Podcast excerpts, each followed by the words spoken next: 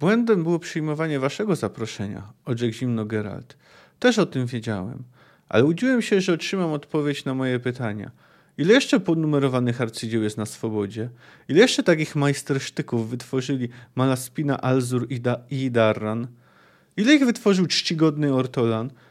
Ile jeszcze noszących wasze plakietki potworów będę musiał zabić? Ja, Wiedźmin, prezerwatywa i antidotu. Nie dostałem odpowiedzi i dobrze aprehenduję dlaczego. Względem zaś okrzesania. Wal się, Esparza.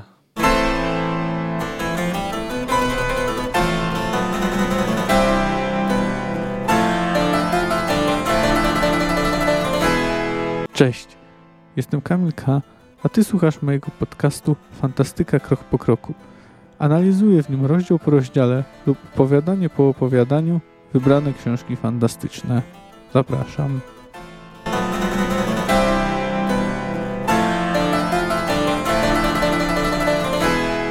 Cześć. No, dzisiejszy odcinek widzicie jest dłuższy, bo jednak zdecydowałem się, że połączę trzy introdukcje z dziewiątym rozdziałem, no co siłą rzeczy trochę ten odcinek wydłuża. Yy, już sama ilość cytatów to sprawia, no a jednak jest coś do omówienia, chociaż może też nie, nie strasznie dużo, bo generalnie wszystko jest tutaj dość jasne i zrozumiałe. No w każdym razie, no przed głównym jakby e, punktem dzisiejszego odcinka będzie omówienie wizyty Geralta na zamku Risberg. No i zlecenia, jakie tam e, otrzymuje. No dobrze, ale no tradycyjnie rozpocznę od streszczenia. No i pierwsze interludium jest fragmentem brudnopisu Półwieku Poezji Jaskra, który nigdy nie wszedł do oficjalnego wydania. E, poeta kupuje Wiedźminowi miecz, jaki zaoferuje mu pewna e, wdowa za 100 koron. No de facto to poeta kupuje oczywiście za pieniądze Geralta, bo to za te pieniądze, bo to wtedy, gdy e, otrzymał tą ofertę wtedy, gdy poszedł zrealizować czek, jaki dostali od Prata no, podczas rozmowy, która później następuje po tym, jak już mu wręczył ten miecz, no to udzielał mu nieco informacji o sytuacji politycznej w Kerak. Pierworodny syn Belochuna został wygnany, kolejny jest y, niezdolny do rządzenia, zatem jedynymi realnymi pretendentami są Egmund i Xander. Poeta jeszcze się pytał o mozaik, najwyraźniej mając zamiar zainteresować się nią, co wywołuje dość gwałtowną reakcję Wiedźmina.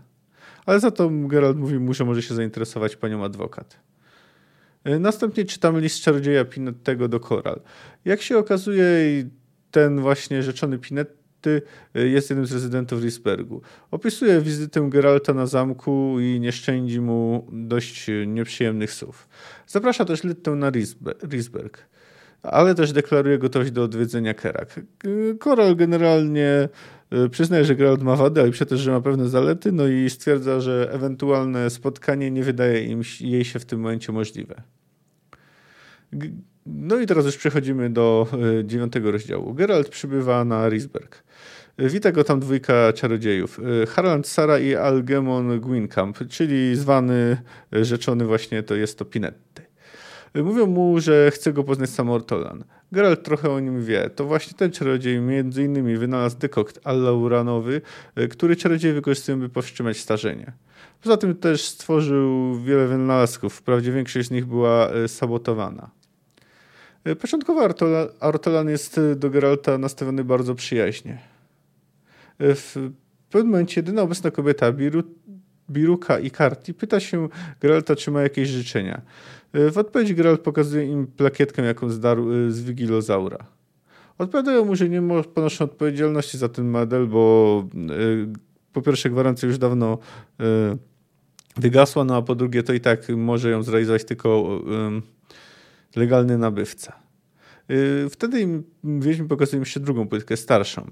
Ale to nie będzie to nie Risberg, że odpowiedzialny był za to i Darran Zalivo, y, uczeń legendarnego Alzura. Sytuacją interesuje się Ordolan gdy słyszy, że y, Geralt zabił Idra, no to natychmiast się oburza że ktoś mógł zniszczyć tak wielkie dzieło. Geralt zaczyna się śmiać, co wywołuje jeszcze większe oburzenie Ortolana, no a także, chociaż niewyrażane, werbalnie innych e, czarodziejów. Starzec nie kończy przemowy, bo musi udać się do toalety. E, wszyscy po kolei opuszczają e, pomieszczenie, no jedynie Axel Rabi mówi kilka słów, na które Geralt odpowiada dość ostro. Zostają jedynie Pinety i Cara. Mówią mu, że to nie wszystko Dalsza rozmowa toczy się w osobistym pokoju Pinetego, e, gdzie czarodziej tłumaczy o co im chodziło, dlaczego e, Geralt został no, zmuszony do udania się na Risberg. Ku zdziwieniu Geralta pytają się go o jego doświadczenie z demonami. No przyznaję, że miał do, z nimi do czynienia. Zabił kiedyś wilka i człowieka, którzy byli przez demona opętane. Czy, czy opętani raczej. Y, po wymianie doświadczeń, uwagi złośliwości, no to ostatecznie czarodzieje przychodzą do rzeczy. Ktoś bawi się Goecją, no, która, można, która jest magią demoniczną. Y, ktoś już wybił trzy osady i tak, że z żadnej nikt nie uszedł z życiem. I chcą, żeby Geralt się tym zajął. Specjalnie dużo e, akcji w tym rozdziale nie ma. Tu raczej można tu powiedzieć, że jeśli ktoś goś bardzo interesuje świat Wiedźmina, to faktycznie dostajemy dużo informacji.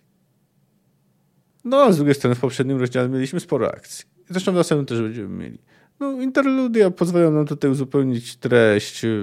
Czy w zasadzie czy są konieczne? Oczywiście nie, no ale jednak trochę się dowiadujemy. Na przykład no jest tu ten miecz, y, który dostał, który dostaje y, Geralt od Jaskra, dowiadujemy się, że no jest dość naiwny, bo jest się dumny, że wynegocjował z 200, obniżył do 100 Y, od tej właśnie wdówki Cider, no ale jak się później dowiemy, to ten miecz był y, bezużyteczny, ponieważ to nie była prawdziwa klinga z Wiroledy, a podróbka.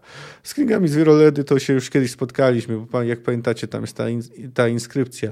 Nie wyciągaj bez potrzeby, nie chowaj bez honoru. No jest to tam od razu wyjaśnione, że najczęściej używają ich najwięksi szubrawcy. Y, no, w, w każdym razie to jest dość interesujący zbieg okoliczności, że akurat wdówka była, gdy Jaskier miał, realizował czek i akurat wiedziała, że no, będzie to 200. No, wprawdzie na mieczach Jaskier się nie zna, ale zna się na plotkach i polityce, więc przedstawia trochę Geraltowi, jak wygląda dyna sytuacja dynastyczna Kerak.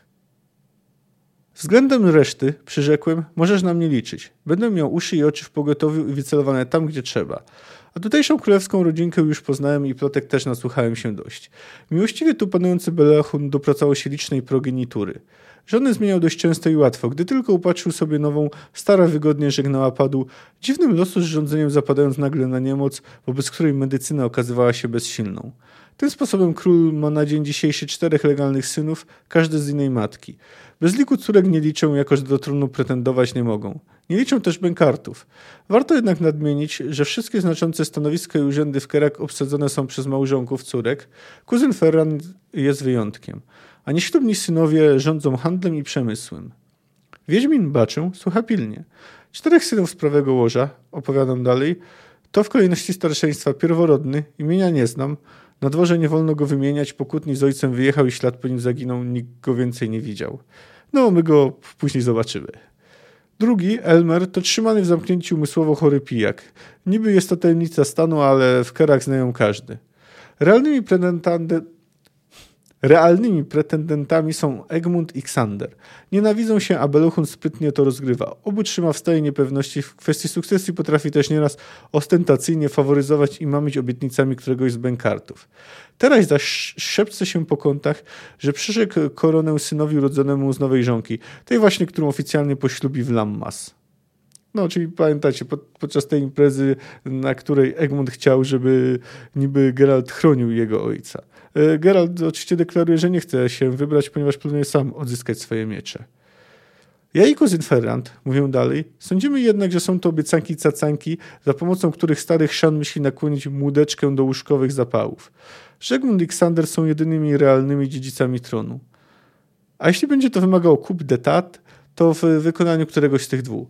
Obu poznałem poprzez kuzyna. Obaj są, takie wrażenie odniosłem, śliscy jak gówno w majonezie, jeśli wiesz, co chcę przez to powiedzieć. Gryl potwierdził, że wie, że sam odniósł takie wrażenie rozmawiając z Egmundem, tylko nie umiał tego równie pięknie ująć w słowa. No więc mamy dość jasno zdeklarowaną sytuację dynastyczną. Y, na ten moment to mamy tylko dwóch, dwóch kandydatów na y, następców Belohuna, czyli Egmunda i Ksandera. No, zresztą jak wiemy, jak pamiętacie pewnie, to, bo to było na początku, gdy podczas audiencji Koral u Belohuna, to Ksander stał się podlizywać ojcu, a Egmont dość nerwowo zareagował na wspomnienie o tym, że chce mieć y, kolejne dziecko. No w każdym razie no, mamy tu zapowiedź małej dynastycznej walki. No a jeszcze tak na koniec tego um, fragmentu z dzieła Jaskra, no to mamy jeszcze właśnie tę kwestię mozaik. Nim się pożegnamy, ja na to, bądź druhem, opowiedz mi co nieco o uczennicy twojej magiczki, tej przylizanej. To prawdziwy pączek róży, księgę nad nim popracować, a rozkwitnie przecudnie. Umyśliłem więc, że to ja się poświęcę, jemu zaś twarz się zmieniła i jak nie gruchnie pięścią w stół, aż kufle podskoczyły. Łapy od mozaik z daleka, grajku, tak do mnie bez krzty respektu. Wybij ją sobie z głowy. Nie wiesz, że uczennicom czarodziejek surowo zabrania się nawet najniewinniejszych flirtów? Że najmniejsze takie, za najmniejsze takie przewinienie koral uznają za niegodną uczenia i odeślę do szkoły. A to dla uczennicy straszna kompromitacja i utrata twarzy. Słyszałem o samobójstwach na tym tle. A skoro nie ma żartów, nie ma poczucia humoru. No to dobrze, no to pomijając oczywiście już samą kwestię tego, jak Geralt broni mozaik, no to jest to taka dość ciekawa kwestia, czyli jak rozumiem, bo wiemy, że są, są jakby takie wolne uczennice, ale tu jest chyba jakaś bardziej złożona y, sytuacja. W każdym razie, czyli generalnie, jak rozumiem, studiowanie u jakiejś czarodziejki Y, no, pozwala jakby na lepsze perspektywy niż po prostu ukończenie szkoły magicznej. Zwłaszcza jeśli ktoś jak mozaik nie ma żadnych kontaktów i tak dalej. No oczywiście sytuacje są różne, bo na przykład pamiętamy, że Kondrwi Ramurs była u Nimuła, ona i tak miała dość, dość dobrą pozycję. No tym niemniej i tak wizyta u pani Jeziora to było coś bardzo prestiżowego. No w każdym razie, jak rozumiem, no bycie bezpośrednią uczennicą czarodziejki było oczywiście lepsze z punktu widzenia uczennicy niż kończenie szkoły. No a bycie wywalonym y, z takiej nauki, no to było oczywiście kompromitujące. Zresztą Gerald może tu przecież trochę wiedzieć, bo w końcu spędził trochę czasu z Yennefer. Już y, na tym etapie historii. No to dobrze, a pozostała interludia co do listów, które, jakie wymienili między sobą Pinetti i Coral. No, no można tu trochę zacytować. Po pierwsze, no jest dość oczywiste, że ktoś, coś ich niegdyś łączyło i Pinetti jest o Geralta mocno zazdrosny. Wdzięczność moją masz za szczególną, jako twój z dawna przyjaciel, pomnę na to, co nas łączyło, bardziej niż inni rozumiem twe wyrzeczenia. Pojmuję, jak cierpieć musiałeś bliskość owego osobnika, będącego wszak konglomeratem przywar, których nie znosisz biorący się z głębokich kompleksów cynizm, natura zjeżona i introwertyczna, charakter nieszczery, umysł prymitywny, inteligencja mierna, arogancja monstrualna. No, to jest jednak lekka oczywiście przesada, no ale Pinetty chce odmawiać Geralta w najgorszym świetle. Pominę fakt, że ma brzydkie dłonie i niezadbane paznokcie, by cię nie irytować, droga Koral, wszak wiem, jak takich rzeczy nienawidzisz. A ciekawe, bo Yennefer w Krwi Elfów mówiła raczej coś innego. No ale no, jak, tak jak mówię, no, trudno tu pidę tego za jakiekolwiek obiektywne źródło y, uznać. Ale jak się rzekło, koniec nastał twoim cierpieniom, kłopotom i turbacjom. Nic już nie stanie na przeszkodzie, byś relacji z owym osobnikiem zaprzestała i zerwała z nim wszelkie kontakty definitywnie tym samym kres kładąc odpór dając kłamliwym pomówieniom szerzonym przez nieżyczliwe języki, które z twojej pozornej wszak i udawanej życzliwości dla Wiedźmina wręcz romans jakiś tani uczynić usiłują. Ale dość już o tym. Nie warta ta rzecz roztrząsania. Nie warta roztrząsania, że się na, na dobry akapit rozpisał. No, ale no, jest to trochę żałosne, ale powiedzmy Mm, zazdrość jest cechą ludzką. E, na końcu jeszcze dopisał. Postscriptum. Nieszczęśliwe języki, o których wspominałem, suponują, że twa przychylność dla Wiedźmina brała się z chęci dokuczenia naszej konfraterce Yennefer, wciąż jakoby Wiedźminem zainteresowanej. Żałosna zaiste z intrygantów tych naiwność i niewiedza. Powszechnie wszak wiadomo, że Yennefer pozostaje w płomiennym związku z pewnym młodym przedsiębiorcą z branży jubilerskiej, o Wiedźmina zaś jego przylotne miłostki dba tyle, co śnieg ubiegłoroczny. E, no właśnie, tu mamy taki pierwszy sygnał, że generalnie, co zresztą już też pod, powiedziała w sumie wcześniej Koral, że generalnie związek Yennefer i Geralta wywołał plot, duże plotki, duże, dużo dyskusji w świecie czarodziejów i duże emocje. Często negatywne wobec Geralta. No, jest to dość w sumie ciekawe. Być może dlatego, że faktycznie niektórzy zauważyli, że jednak wywarło to wszystko na Yennefer dość duży wpływ. No dobrze, a co tu odpowiedziała Koral? Rada jestem, że wasze wymagające udziału Wiedźmina przedsięwzięcie zmierza ku sukcesowi. Dumą napawa mój skromny w przedsięwzięciu udział. Próżno jednak smucisz się, drogi Pinetty, sądząc, że wiązało się to z wyrzeczeniami, cierpieniami, kłopotami i turbacjami. Nie było aż tak źle. Geralt to rzecz, rzecz... Geralt to w rzeczy samej istny konglomerat przywar. Odkryłam w nim sine ira et studio, wszakże i zalety. Niemałe zalety zaręczam. Nie jeden, gdyby wiedział, to by się stropił, a nie jeden pozazdrościł. No, cóż, jak widzimy, Koral pozwala sobie na pewne złośliwości. No i też nie omieszkuje, aby przypomnieć się temu przyszłość. Do plotek, pogłosek, szeptanek i intryg, o których piszesz, drogi Pinetty, wszyscyśmy przywykli i wiemy, jak sobie z czymś takim radzić. A rada jest prosta. Lekceważyć. Pamiętasz zapewne pogłoski o tobie i Sabrinie i Glewisik w czasach, gdy coś jakoby nas łączyło? Zlekceważyłam je. Tobie teraz radzą to samo. To, jak widzimy, takie przypom przy, przypomnienie delikatne. No oczywiście Sabrina Glewisik to, to Sabrina Glewisik występuje w Sadze. Czyli generalny koral dała temu kosza. Odmówiła spotkania, stwierdzając, że no, nie wydaje się to możliwe. No a teraz przechodzimy do mówienia rozdziału 9. Y, a nie, jeszcze chwilkę. No jeszcze może tutaj tym introdukcjom warto poświęcić tyle, że y, no znów mamy lekkie przyspieszenie czasu, ponieważ te, te listy oczywiście są wymieniane już po tym, jak Geralt przybył na Risberg a którą to jego pierwszą wizytę y, zaraz wyczytamy w dziewiątym rozdziale, jak przebiegała. No i właśnie, y, jak chodzi o ten rozdział, to początkowo kompleks zamkowy nie robi większego wrażenia. Y, później się to zmienia. No, mamy tutaj wielki targ, a także fabryki. Risberg był znacznie większy niż zdawałoby się z pozoru. Wgłębiał się bowiem mocno w ścianę górską, wcinał się w nią kompleksem budynków gmachów surowych i brzydkich, jakich zwykle nie spotykało się w architekturze zamków. Budynki wyglądały na fabryki i chyba były nimi. Sterczały z nich bowiem kominy i rury wentylacyjne. Dało się wywęszyć spaleniznę, siarkę i amoniak. Można też było wyczuć lekką wibracją podłoża, dowód pracy jakichś podziemnych machin. No, jak wiemy, tutaj Sapkowski często pozwala sobie na takie mieszanie. Czy Risberg jakoś nie pasuje do zbudowanego świata? Powiedziałbym, że jest, że jest ok do pewnego stopnia. W końcu wiemy też, że na przykład krasnoludy pracują w hutach, hamerniach i tak dalej, więc zwłaszcza, no, że trzeba pamiętać, że to jednak nie jest, y, jakby szukać najbliższej analogii, to jednak świat Wiedźmina to nie jest mm, średniowiecza, raczej bliżej jakiegoś tam naszego XVI-XVII wieku. No i no oczywiście jak chodzi o treść, to tam saga oczywiście jest dość mocnym odegraniem II wojny światowej, no ale o tym to już e, sporo mówiłem. No oczywiście Geralt to jest taka ciekawostka, że znałoby czarodziejów, którzy go wezwali. E, nie osobiście, no ale mamy potwierdzenie, że uczestniczył jako wolny słuchat w wykładach o Ksenfurcie i Pinety mówi, że stamtąd go pamięta.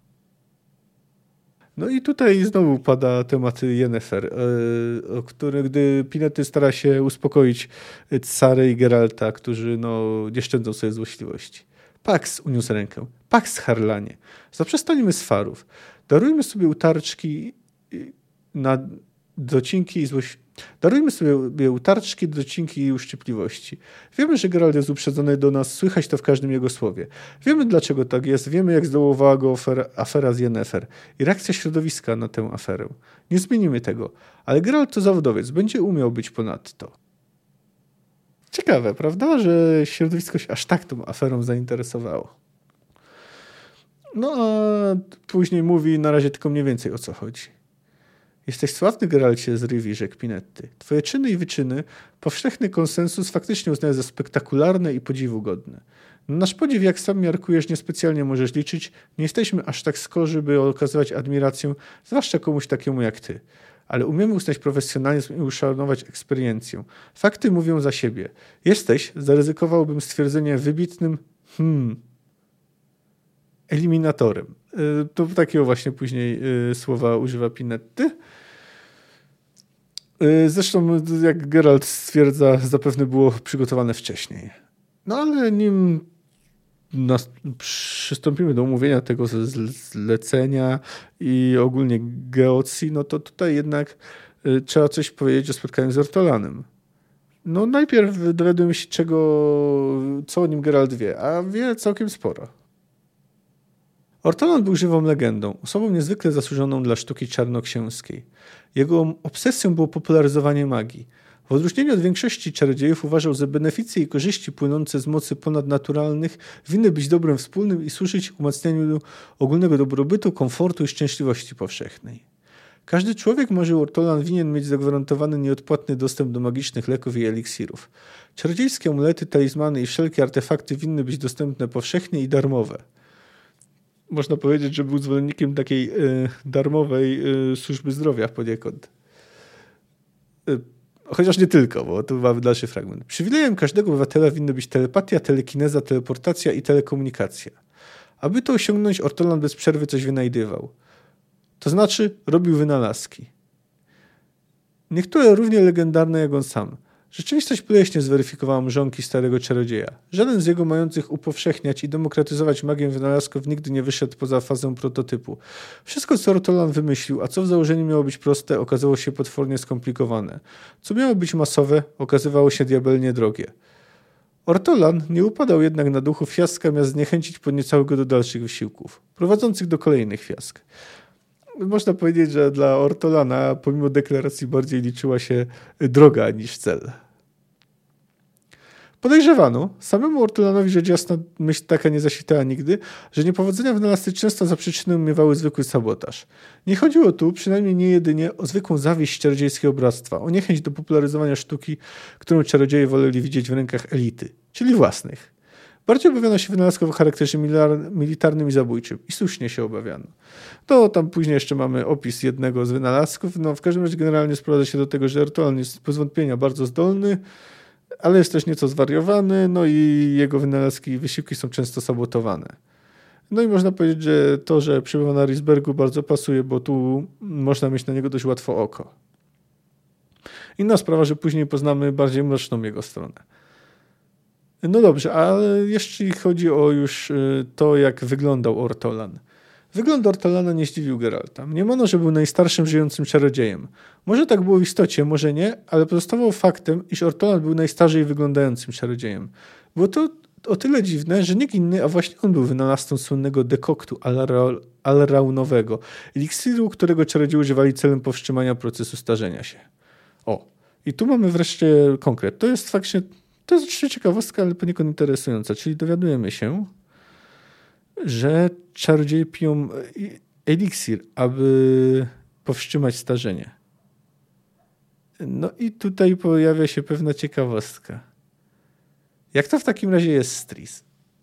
No jak wiemy, była ona w, w jakiś sposób yy, uczulona na eliksiry. Y, no ale y, z drugiej strony no, trudno uwierzyć, żeby Tris y, nie piła tego eliksiru. No, Yy, chyba jedynym rozsądnym wytłumaczeniem w tej sytuacji musi być to, że albo Tris jest uczulona tylko na niektóre rodzaje eliksirów, no to jest chyba najprawdopodobniej, no albo nie wiem, jakoś sobie, jakoś sobie radzi z eliksirem alraunowym, albo ma jakieś środki, które redukują efekty jego działania, no albo po prostu Sapkowski się tym specjalnie nie przejmował. No bo jednak nic nie wskazuje, żeby Tris realnie wyglądała na tam 20 parę lat i faktycznie miała 20 parę lat. No to jest po prostu nierealne, zwłaszcza gdy prześledzimy na przykład to, co opowiada o swoich yy, doświadczeniach seksualnych. Ona jest młoda jak na czarodziejkę, no ale nie aż tak. Yy, kontynuując. Sam Ortolan, gdy wreszcie dopracował się niezawodnie działającej formuły magicznego płynu, niewiele na nim skorzystał, bo był już wówczas dość wiekowy. Eliksir zapobiegał starzeniu, ale bynajmniej nie odmładzał. No, czyli tu mamy jeszcze określone działanie, że on powstrzymuje starzenie. Dlatego też Ortolan, choć od dawna zażywał leki, dlatego też Ortolan, choć od dawna zażywał lek, wciąż wyglądał jak stary dziad, zwłaszcza na tle konfratrów sędziwych czarodziejów wyglądających na mężczyzn w kwiecie wieku i staranych życiem czarodziejek wyglądających jak dziewczęta. Tryskające młodością i wdziękiem czarodziejki oraz lekko szpakowaci czarodzieje, których prawdziwe daty urodzenia ginęły w pomroce dziejów, strzegli tajemnicy eliksiru Ortolana jak źrenice oka, a czasem nawet wręcz zaprzeczali jego istnieniu. Ortolana zaś utrzymywali w przekonaniu, że eliksir jest dostępny powszechnie, dzięki czemu ludzkość jest praktycznie nieśmiertelna i co za tym idzie, absolutnie szczęśliwa. No, pomijając już to, że wieczne życie niekoniecznie musi się wiązać z absolutną szczęśliwością, to mm, zastanawia naiwność Ortolana, a przynajmniej deklarowana y, naiwność. No bo to, że czarodzieje nie chcieli tego upowszechnić, to nawet jeśli to było możliwe, bo tego też nie wiemy, no to specjalnie nie dziwi. No ale tak jak wspomniałem już, że e, początkowo eliksir dość przyjaźnie wita Geralta. Geralt z Rivi, powtórzył Ortolan miętosząc w dłoni kłak siwej brody. A jakże, a jakże, słyszeliśmy. Wiedźmin, defensor, jak powiadają obrońca, ludziom ode złego niosący ratunek. Na wszelkie potworne zło prezerwatywą i antidotem konsyderowany. Geralt przebrał skromną minę i ukłonił się. A jakże, a jakże, podjął czarodziej tarmosząc brodę. Wiemy, wiemy. Sił by ludzi bronić według wszelkiej asercji nie szczędzisz, chłopcze, nie szczędzisz. I iście, estymacji godzien twój proceder, estymacji godne rzemiosło. Witamy cię na zamku naszym, radzi, że cię tu fata rzuciły. Bo choć sam tego możesz nie wiedzieć, aleś powrócił jako ten ptak do gniazda. Dobrze mówią, jako ten ptak. Radziśmy ci i mnie mamy i żeś i ty nam rad. Hę? No i tu od razu widzimy, że wiek Ortolana jest też ukazany w tym sposobie, w jaki mówi, ponieważ używa dość archaicznego języka i takich, można powiedzieć, skomplikowanych słów. No generalnie nikt w tym świecie tak y, nie mówi. No i dowiadujemy się, to sformułowanie o powrocie ptaka do gniazda jest ciekawe, ponieważ, co zresztą później jeszcze będzie wspomniane, wygląda na to, że to na Risberku opracowano formułę y, tworzenia Wiedźminów. No później stosunek Ortyla do Wiedźmina się zmienia, ale najpierw y, dowiadujemy się trochę mm, o działaniu Risbergu albo o tym, co produkuje. RISP SERP MK4002-025 odczytał głośno Axel Raby i przekazał płytkę Sandowalowi. Mutacja wytworzona tu u nas na Risbergu, ocenił cierpko Sandowal. W sekcji pseudogadów. Jaszczur strażniczy. Model czwarty, seria druga, egzemplarz 25. Przestarzały, od dawna produkujemy ulepszone. Co tu jeszcze jest do wyjaśniania? No, no i właśnie, no i tu już trochę wiemy, co, co się dzieje w fabrykach, bo tu widzimy, że to jest prawda, mamy sekcje pseudogadów, czyli mamy różne sekcje, których produkuje, czyli jak widzimy, to można powiedzieć potwory, które później wchodzą do użytku, y, no potwory, no są w, produkowane właśnie na Risbergu. Y, to i tak ciekawe, że nie są powszechniejsze. Mówi, że zabił Wigilozaura, skrzywił się Stuko Zangenis. Nie o wyjaśnienia, więc chodzi lecz o pretensje. Reklamacje Wiedźminie przyjmujemy i rozpatrujemy tylko od legalnych nabywców, wyłącznie na podstawie dowodu zakupu. Wyłącznie na podstawie dowodu zakupu serwisujemy i usuwamy usterki. Gwarancja na ten model dawno wygasła, dorzucił Miles Tretewej. Żadna, nie żadna nie obejmuje zaś usterek powstałych w wyniku niewłaściwego lub niezgodnego z instrukcją obsługi użytkowania wytworu. Jeśli wytworem posługiwano się niewłaściwie, Risberg nie ponosi odpowiedzialności. Żadnej odpowiedzialności. No tu oczywiście widzimy taki trochę żart, taką trochę oczywiście parodię naszego tutaj procesu gwarancyjnego, z którym no pewnie y, nie jeden z nas się zetknął lub zetknęła. No i tak, y, y, no a co dalej? A za to Geralt wyjął z kieszeni i rzucił na stół drugą płytkę. Ponosicie odpowiedzialność?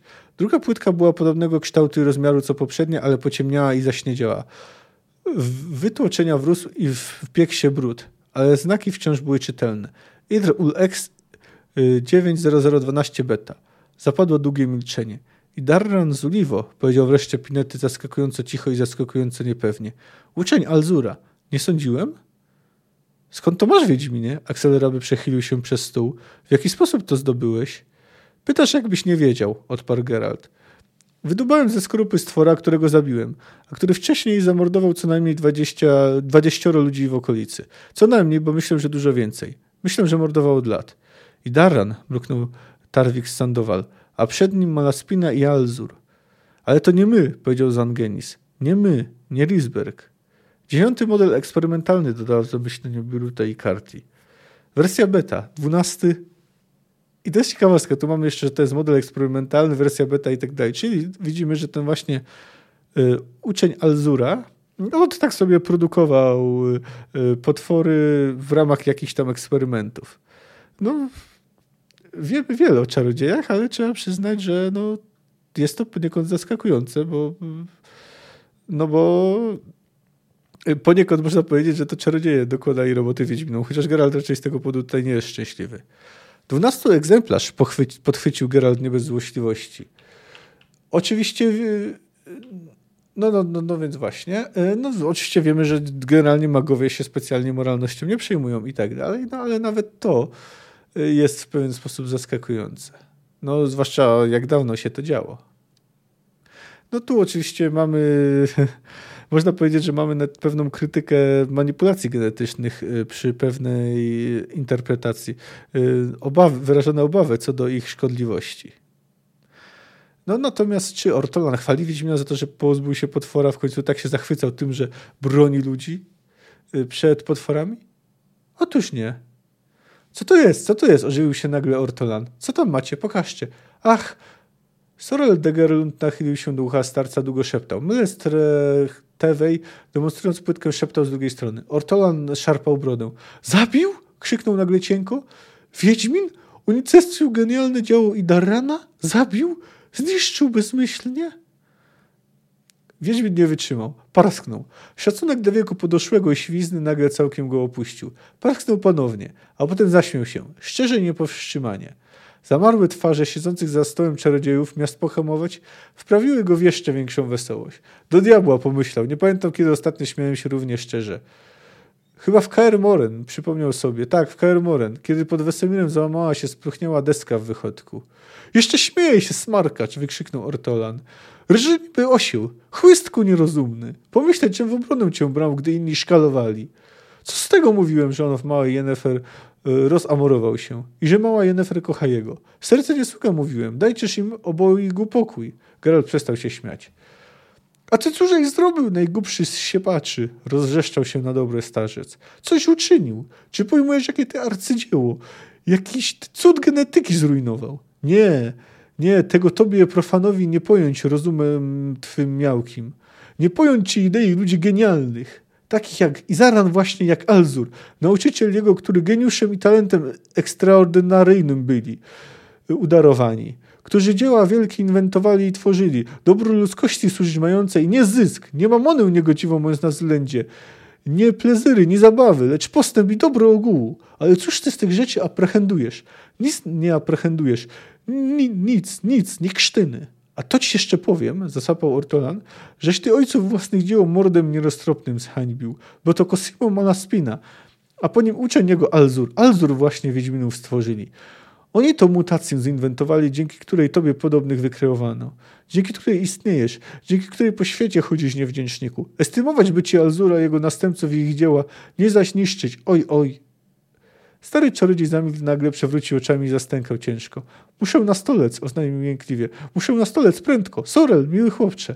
De Geralt i Tretewej zerwali się z miejsc, pomogli starcowi wstać i wywiedli go z komnaty. No tak, to ten fragment jest oczywiście e, celowo dość groteskowy. Te tutaj wielkie wywody Ortolana, ale też widzimy, jak on tutaj opowiada. Czyli generalnie każdy wynalazek jest dla dobra ogółu, nawet taki, co zabija ludzi. No, Cóż, no jest to interesujące podejście. I to, a mówimy przecież o Geralt Prost mówi o tym, że zabił ileś tam ludzi, ale dla Ortolana to jest e, jakby mm, cel uświęca środki. No i dowiadujemy się też trochę o powstaniu Wiedźminów. E, ale to swoją drogą to znaczy, że co, że Elzur działali, e, działał w Risbergu? No bardzo możliwe. A przynajmniej przez jakiś czas. No, podoba mi się też zakończenie tej rozmowy. Po krótkiej chwili wstała Biruta i Karti. Obrzuciła Wiedźmina wiele mówiącym spojrzeniem, po czym wyszła bez słowa. Za nią, nie patrząc na Geralta, w ogóle podążyli Sandoval i Zengenis. Axel Raby wstał, skrzyżował ręce na piersi. Patrzył na Geralta długo. Długo i raczej niemile. Błędem było zapraszanie cię, powiedział wreszcie. Wiedziałem o tym. Łudziłem się jednak, że zdobędziesz się choć na pozory okrzesania. Błędem było przyjmowanie waszego zaproszenia, odrzekł zimno Geralt. Też o tym wiedziałem, ale łudziłem się, że otrzymam odpowiedź na moje pytania. Ile jeszcze ponumerowanych arcydzieł jest na swobodzie? Ile jeszcze takich majstersztyków wytworzyli Malaspina, Alzur i Idaran? Ile ich wytworzył czcigodny Ortolan? Ile jeszcze noszących wasze plakietki potworów będę musiał zabić? Ja, Wiedźmin, prezerwatywa i antidotum. Nie dostałem odpowiedzi dobrze, a prehenduję dlaczego. Względem zaś okrzesania. Wal się, Esparza. Ładny dialog i ładna riposta Geralta. No, widzimy, że no, nie jest zadowolony z tego, że czarodzieje tak sobie produkowali yy, potwory. No a jeszcze wracając do Wiedźminów i czarodziejów, no to mamy tutaj yy, kolejny fragment z dzieła yy, Monstrum albo Wiedźmino opisanie, które jak wiemy miało wpływ na atak, y, który no, doprowadził do śmierci większości Wiedźminów. Y, na atak na KR Moren. Po różnych błąkają się krajach, a gust i humor każą być bez wszelkiej dependencji. Znaczy to, że nijakiej władzy ludzkiej ani boskiej nie uznają, że praw żadnych i zasad nie szanują, że nikomu i niczemu posłuszeństwa niewinnymi i bezkarnymi się nie mają. Z natury będąc szalbierzami, żyją z wróżeb, którymi prosty lud łudzą, służą za szpiegów, kolportują fałszywe amulety, oszukańcze medykamenta, wyskoki narkotyki, porają się też kupierstwem, to jest dziewki wszeteczne przewodzą do niepoczciwej uciechy tym, co płacą. Gdy im bieda, żebrać się nie wstydzą ani zwykłej kradzieży dopuszczać, ale milsze im szachrajstwo i oszustwo. Zwodzą naiwnych, że niby ludzi bronią, że niby gwoli ich bezpieczności potwory zabijają, ale to też dawno dowiedziono, że ku własnej to czynią ucieszę, bo mord jest dla nich przedni dywertyment. Preparując się do swych akcji, jakieś gusła czynią, czynią czarownickie, a toli y, jest to jedno omamienie oczu patrzących. Pobożni kapłani w lotty bałamuctwo i kuglarstwo odkryli, byli z konfuzją tych czarotowskich pachołków wiedźminami się mianujących. Anonim. Monstrum albo Wiedźmina opisanie. To jest o tyle ciekawe, że Tris sugerowała, że za powstanie tego dzieła odpowiedział czarodziej. E, no to nie tylko bardzo lubił Wiedźminów, ale ciekawe, że dobrze pisał o kapłanach. No ale może po prostu kapłani byli wygodną figurą tutą, tutaj, aby ich pochwalić. No ale swoją drogą to podejrzewam, że i tak ten anonim to oczywiście przecież nie trafił do ludu w formie, do motłochu w formie pisanej, a raczej ustnie, no bo to raczej to nie, nie są, motłoch w tym świecie raczej nie jest piśmienny.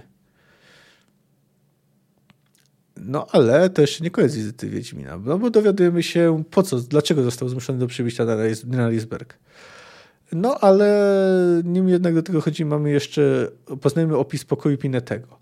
Komnata, do której go wprowadzono, nie była typowym pomieszczeniem, w jakim czarodzieje zwykli przyjmować interesantów. Zazwyczaj Geralt zdążył zapoznać się z tym obyczajem. Magowie udzielali audiencji w salach o wystroju bardzo formalnym, często surowym i przygnębiającym.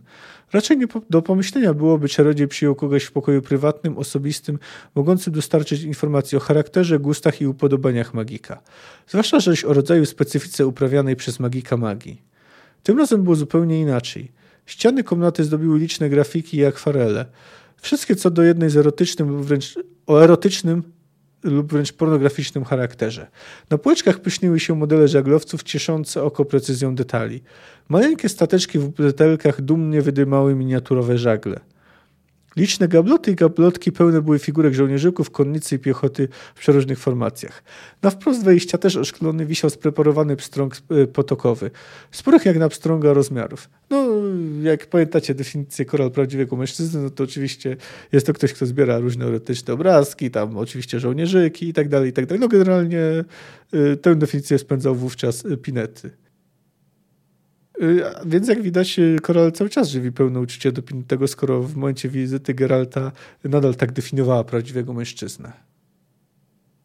Y, do, no, dowiadujemy się też, że w świecie czarodziejów istnieją demony. Jestem Wiedźminem, nie czarodziejem. A to znaczy, że względem demonów moje doświadczenie nie umywa się do waszego. Słuchałem twoich wykładów w Oxenfurcie, Gwynkamp. To, co istotne, dotarło do ostatniego rzędu auli. Demony są istotami z innych niż nasz światów, elementarnych planów, wymiarów płaszczyzn czasoprzestrzeni, czy jak tam je zwać. Aby mieć z nimi jakiekolwiek doświadczenie, demona trzeba wywołać, czyli przemocąc wyciągnąć z tego planu. Dokonać tego można tylko za pomocą magii. Nie magii, lecz goecji, przerwał Pinetto. Różnica jest zasadnicza. No i tak a propos tej go goecji, no to to jest y, faktycznie termin wzięty z naszego świata i faktycznie generalnie oznacza przyzywanie różnych duchów, demonów i tak dalej. No, wywodzi się już od dawna. No, na przykład niektórzy tak y, teoretycznie od króla Salomona, chociaż te za rzekome książki y, autorstwa y, biblijnego króla, to de facto były, powstały w XVII-XVI wieku. W każdym razie to jest generalnie, że często przyzywa się te duchy lub demony często za pomocą grymuarów, czyli no, takich książek, gdzie są zapisane y, zaklęcia, że tak to ujmę. Y, no, pewne odrodzenie przeżyła Goecja w XX wieku, bo wtedy to był okres mocnej fascynacji okultyzmem. No, na przykład dość mocno promował ją Alistair Crowley. No ale potem właśnie Geralt dzieli się własnym swoim doświadczeniem z demonami. No, czy demony pasują do tego świata? No wiemy, że przecież mamy ileś tam światów, y, w końcu nastąpiła koniunkcja sfer i tak dalej, więc powiedzmy, można uznać, że przyzywanie istot z różnych wymiarów, no nie wydaje mi się, żeby cokolwiek rozbijało. No ale teraz mamy właśnie a propos tego doświadczenia Geralta z demonami. Odpowiadam na pytanie. Tak, miałem do czynienia z demonami. Dwa razy wynajmowano mnie, bym takie wyeliminował. Radziłem sobie z dwoma demonami. Z jednym, który wlazł w wilka i jednym, który opętał człowieka. Poradziłeś sobie. Poradziłem. Nie było to łatwe. Ale wykonalne, wtrącił Sara. Wbrew temu, co się twierdzi. A twierdzi się, że demona w ogóle nie sposób unicestwić. Nie twierdziłem, bym kiedykolwiek unicestwił demona. Zabiłem jednego wilka i jednego człowieka. Ciekawią was szczegóły? Bardzo. Przy wilku, który wcześniej w biały dzień zagryzł i rozszarpał jedenaścioro ludzi, działałem wspólnie z kapłanem. Magia i miecz zatriumfowały wespół w zespół. Gdy po ciężkiej walce zabiłem wreszcie wilka, siedzący w nim demon wyrwał się na swobodę w postaci wielkiej świecącej kuli i zniszczył spory kawał lasu, kładąc drzewa pokotem. Na mnie kapłana w ogóle nie zwrócił uwagi. Karczował puścią w przeciwnym kierunku. A potem zniknął. Zapewne wrócił do swego wymiaru. Kapłan upierał się, że to jego zasługa, że egzorcyzmami wyekspediował demona w zaświaty. Ja jednak myślę, że demon odszedł, bo się zwyczajnie znudził. A ten drugi przypadek? Był ciekawszy. Opętanego człowieka zabiłem, podjął bez ponaglania i nic. Żadnych ubocznych, spektakularnych efektów. Żadnych kul, zórz, błyskawi, stron powietrznych, żadnego smrodu nawet. Nie mam pojęcia, co się stało z demonem. Zabitego dali kapłani i magicy, wasi konfratrzy. Niczego nie znaleźli i nie stwierdzili. Ciało spalono, bo proces rozkładu wystąpił zupełnie normalnie, a panował upał. Urwał. Czarodzieje popatrzyli po sobie. Twarze mieli kamienne.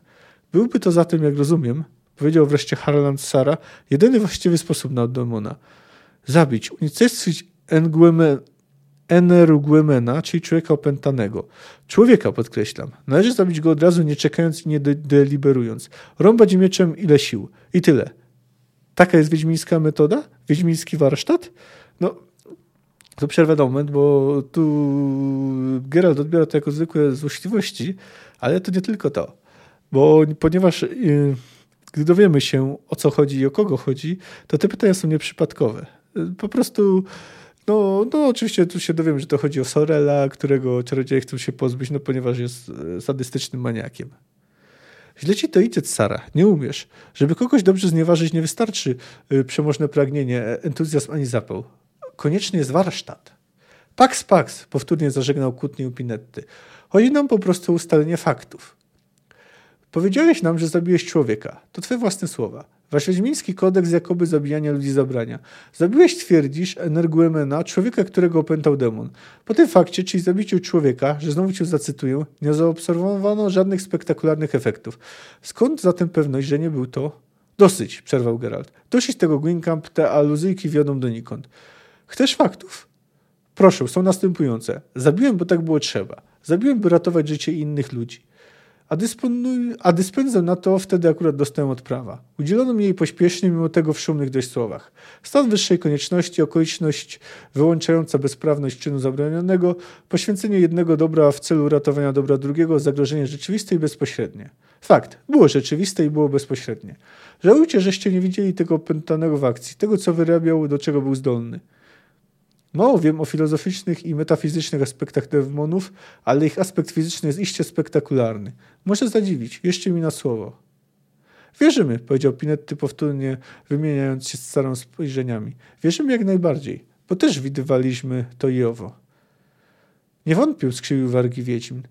I nie wątpiłem w Oxenfurcie na twoich wykładach. Widać było, że znasz się na rzeczy. Podbudowa teoretyczna faktycznie przydała mi się wtedy z tym wilkiem i człowiekiem. Wiedziałem w czym rzecz. Oba te wypadki miały identyczne podłoże. Jak to ty mówiłeś, Sara? Metoda? Warsztat? A zatem była to czarodziejska metoda i warsztat też czarodziejski. Jakiś czarodziej zaklęciami przywołał demona, wyciągnął go siłą z jego planu, w oczywistym zamiarze wykorzystania go do swych magicznych celów. Na tym polega magia demoniczna, goecja. Na tym polega goecja. Wywołać demona, wykorzystać go, a potem uwolnić. Tak chce teoria. Bo w praktyce zdarza się, że czarodziej miast po wykorzystaniu uwolnić demona magicznie więzi go w ciele jakiegoś nosiciela. W ciele wilka dla przykładu. Albo człowieka. Bo czarodziej wzorem Alzura i Idarana lubi poeksperymentować. Poobserwować, co też uczyni demon w cudzej skórze, gdy wypuści się go na swobodę. Bo czarodziej Y, tak jak Alzur, jest chorym zboczeńcem, którego cieszy i bawi patrzenie na siany przez na mord. Zdarzało się tak, prawda? Różne rzeczy się zdarzały, powiedział przeciągle Harland Sara. Głupio jest uogólniać, a nisko wypominać. Przypomnieć ci Wiedźminów, którzy nie cofali się przed rabunkiem? Nie wzdragali wynajmować jako płatni zabójcy? Mam ci przypomnieć psychopatów, którzy nosili medaliony z głową kota, a których również bawił siany wokół mord? No cóż, oczywiście tu mamy, tu są głównie złośliwości, ale mamy tu też kilka e, ciekawostek. No widzimy, że generalnie demona da się wykorzystać. To znaczy, e, tylko trzeba go później uwolnić, ale czarodzieje te, często tego nie robili, żeby sobie poeksperymentować. No tutaj oczywiście Geralt znieważa legendarnego Alzura, no ale generalnie jego ocena tej osoby jest dość, jest dość trafna. No ale jest też ciekawe to o kotach. Tutaj musimy się troszeczkę cofnąć historycznie, ponieważ jakby źródło właśnie informacji o Wiedźminach, o, o kotach, czy to można nazwać szkołą kota, jak to zrobił e, CD Projekt, no nie wiem. W każdym razie, yy, chyba tak, bo w każdym razie koty po raz pierwszy pojawiły się w komiksie Zdrada autorstwa Macieja Porowskiego, Bogusława Polcha, w którego tworzeniu wziął Andrzej Sapkowski. Ponoć yy, bazuje on na jakimś yy, opowiadaniu, które powstało jedynie w głowie, pozostało jedynie w głowie Sałkowskiego. Y, no, w każdym razie no jest tu trochę sprzeczności z książkami, bo nie zgadza się na przykład to, czego królem był tam Radowid II Śmiały.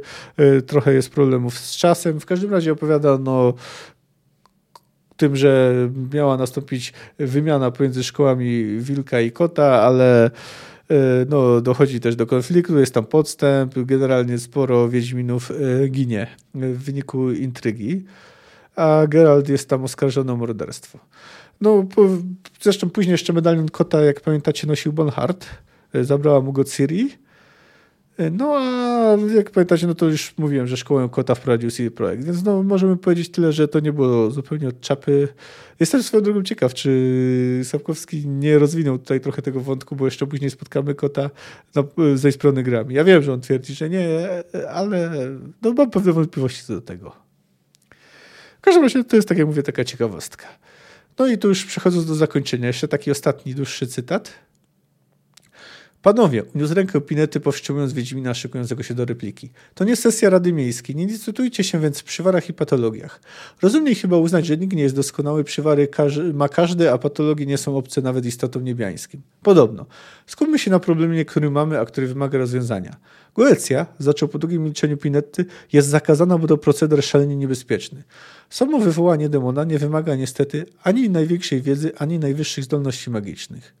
Wystarczy posiadanie któregoś z nekromantycznych grymuarów, a tych sporo jest na czarnym rynku. No to tu, jak wcześniej mówiłem oczywiście o tych grymuarach, e, czyli widzimy, że to też Stawkowski oczywiście wykorzystał. Bez wiedzy umiejętności trudno jednak nad wywołanym demonem zapanować. Domorosły Goeta może mówić o szczęściu, jeśli wywołany demon po prostu wyrwie się, wyswobodzi i ucieknie. Wielu kończy rozszarpanych na szczępy. Wywoływanie demonów i jakichkolwiek innych istot z planów żywiołów i parażywiołów zostało zatem obłożone zakazem i groźbą surowych kar. Istnieje system kontroli, który gwarantuje przestrzeganie zakazu. Jest jednak miejsce, które spod kontroli zostało wyłączone. Zamek Risberg. Oczywiście. Oczywiście. Risbergu nie można kontrolować. System kontroli nad Goecją, o którym mówiłem, został wszak stworzony właśnie tutaj. W wyniku przeprowadzonych tu eksperymentów, dzięki przeprowadzonym tu testom system jest wciąż doskonalony. Prowadzi się tu też inne badania, dokonuje innych eksperymentów. O bardzo różnym charakterze. Bada się tu różne rzeczy i zjawiska Wiedźminie. Różne rzeczy się tu robi, nie zawsze legalne i nie zawsze moralne.